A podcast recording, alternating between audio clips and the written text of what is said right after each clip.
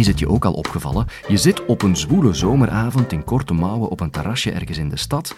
En als je daarna die stad weer uitrijdt, is het na vijf kilometer echt wel frisser.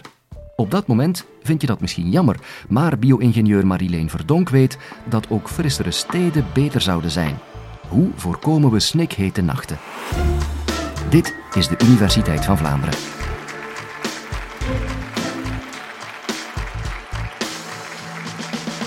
In 2003 zijn er in Europa ongeveer 70.000 mensen extra gestorven. Weet er iemand van jullie waardoor dat, dat kwam?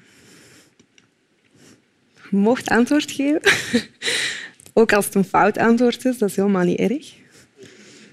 Oververhitting, ja. Dat is inderdaad een goed antwoord.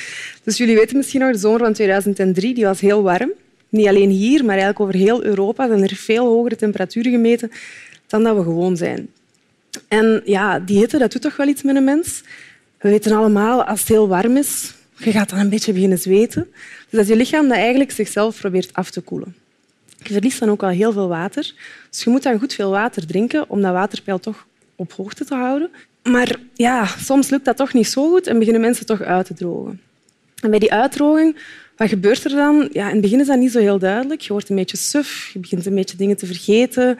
Je bent ook wat vermoeid. Dus net omdat dat niet zo heel duidelijk is, dat dat misschien uitdroging is, ja, zien mensen dat niet direct en kan dat dan ook eigenlijk wel tot fatale gevolgen leiden. Dus dat hebben we dan gezien in die zomer van 2003. Het is natuurlijk niet iedereen dat daar zoveel last van heeft. Er zijn bepaalde bevolkingsgroepen die dat daar veel meer last van hebben dan anderen. En dan denk ik bijvoorbeeld aan oudere mensen. Omdat die net niet overmatig gaan zweten, koelen die zichzelf ook niet af. En daardoor ja, krijg je toch wel heel veel last van die hitte en zorgt dat ook voor veel sterfgevallen in die bevolkingsgroep. Maar je hebt dan ook mensen die chronisch ziek zijn of problemen hebben met hart- en vaatziekten of heel zware mensen, die zien ook veel meer af van de hitte. En ook daar gaat dat ook veel sneller leiden tot ja, hittestress, ja, zware zonnesteken en hitteberoertes. Ja, en dan kan het eigenlijk snel te laat zijn. En dan tot slot zijn er ook nog ja, hele jonge kinderen, babytjes. Die hebben niet echt een slechte gezondheid, of meestal toch niet. Maar die zijn zodanig afhankelijk van ja, mensen rond hen om, ja, om daarvoor te zorgen. Dus om die water te geven, maar ook om die in de schaduw te zetten, om die in te smeren, want die kunnen nog niks zelf. Dus dat zijn eigenlijk de belangrijkste bevolkingsgroepen die dat toch wel echt ja, heel goed in het oog moeten worden gehouden wanneer dat zo warm weer is. Nu, die zomer van 2003 die was heel warm, die was uitzonderlijk warm. Dus dat is misschien niet echt een referentie. Maar de zomer van 2018 die was weer heel warm. En deze keer niet enkel in Europa, maar eigenlijk over heel het noordelijk halfrond hebben we nu gezien dat die temperaturen weer veel hoger waren. Dat ging dan ook gepaard met extreme droogte. Dus ja, de mensen beginnen nu toch wel meer en meer te beseffen ja, dat er zo meer en meer extreme klimaatomstandigheden voor aan het komen zijn, die dat dan ook te maken hebben met klimaatverandering. En eigenlijk is dat al heel lang geleden aangetoond door wetenschappers dat zo die extreme toestanden, zoals droogtes, maar ook overstromingen, hittegolven, dat het eigenlijk meer en meer zal voorkomen en dat dat ook veel, ja, veel intenser zal zijn. Dus ja, dat is toch wel een probleem. Zeker omdat we ook weten ondertussen dat die zomer van 2003, die dan nu zo te boeken staat als de warme zomer, dat eigenlijk misschien wel de norm zou kunnen worden tegen 2050. Natuurlijk, ja, als dat de norm wordt, dan wil dat zeggen dat we elk jaar ja, zoveel, zoveel hogere temperaturen gaan hebben. We gaan daar dus wel iets mee moeten doen. Ik heb nu nog een vraag voor jullie. Dus we weten nu, warmte, hitte is gevaarlijk voor mensen, of dat kan heel gevaarlijk zijn voor mensen. Maar waar zou dat nu het gevaarlijkste zijn? In de stad of op het platteland? Mocht je arm in de lucht steken als je denkt dat het de stad is. En als je denkt dat het platteland is, dan moet je eigenlijk niks doen.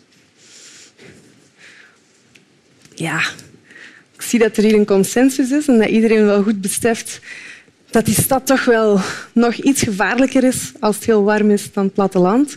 En hoe komt dat dan eigenlijk? Ja, overdag is het eigenlijk overal warm. Dus op het platteland is het warm en de stad is het ook warm. Maar op de kaart die dan nu ja, getoond wordt, zie je de nachtelijke temperaturen.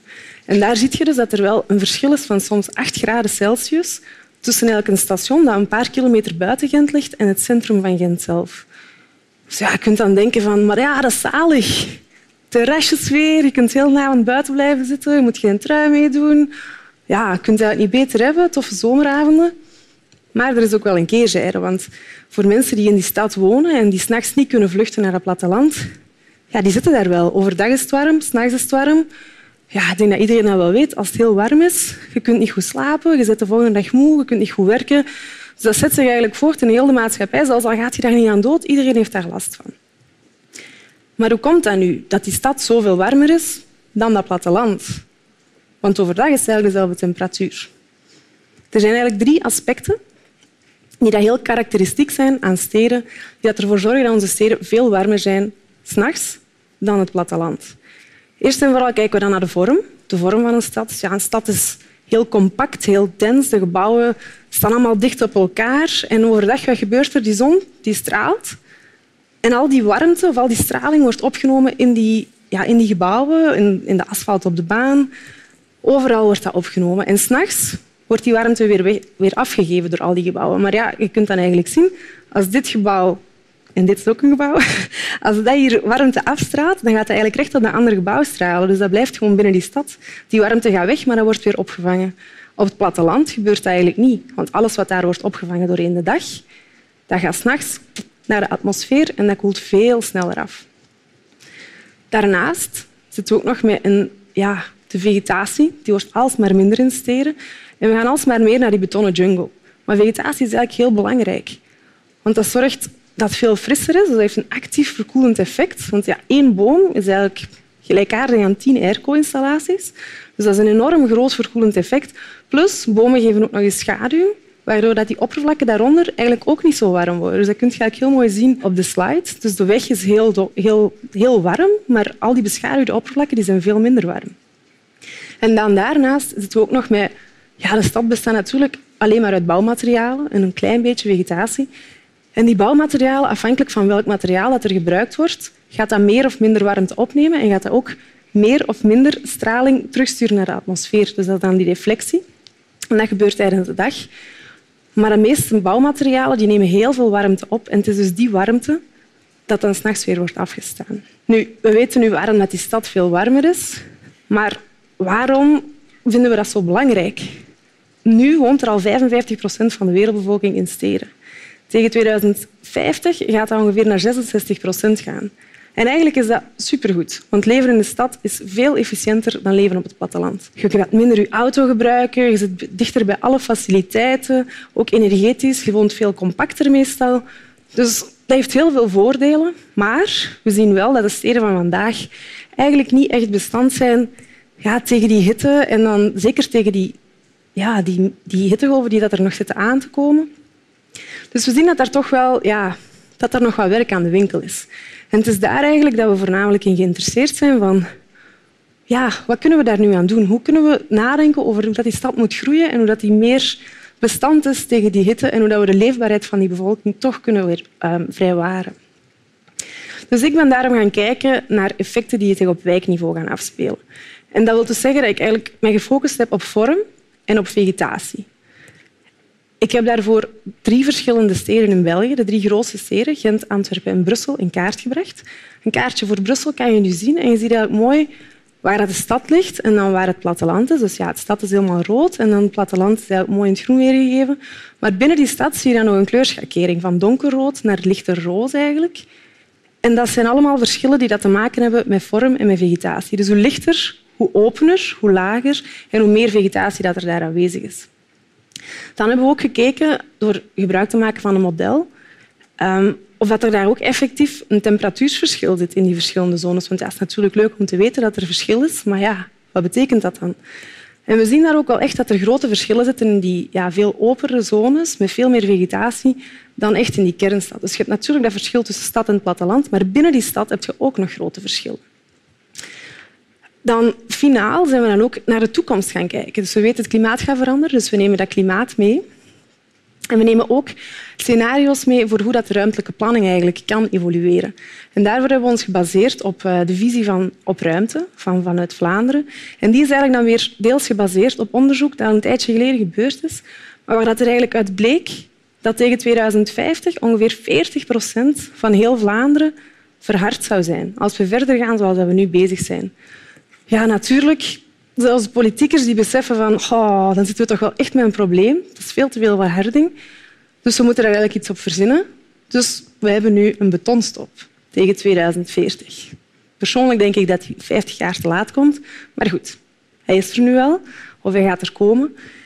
Um, en dat komt er dus op neer dat we dat meer moeten gaan verdichten. Verdichten, enerzijds in de stad, maar ook op het platteland zullen we moeten gaan verdichten. Dus uit mijn onderzoek is er dan gebleken dat we eigenlijk veel compacter moeten gaan wonen dat we ook meer in de hoogte zullen moeten gaan en dat er dan tussen de gebouwen eigenlijk plaats is voor ja, veel meer vegetatie, maar ook watercaptatie. Want we hebben natuurlijk ook die droogtes.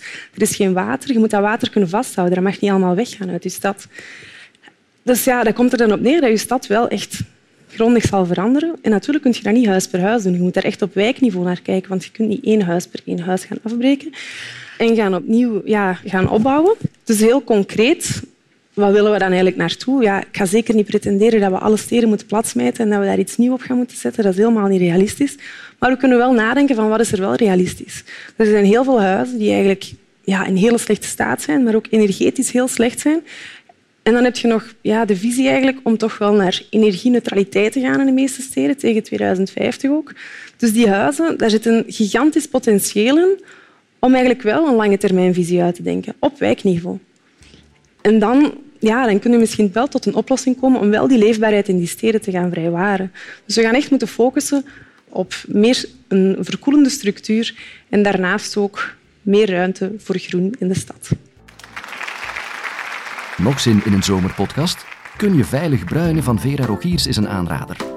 Wil je geen enkel college missen? Abonneer je dan op onze podcast en je krijgt alle nieuwe afleveringen gratis en voor niks binnen.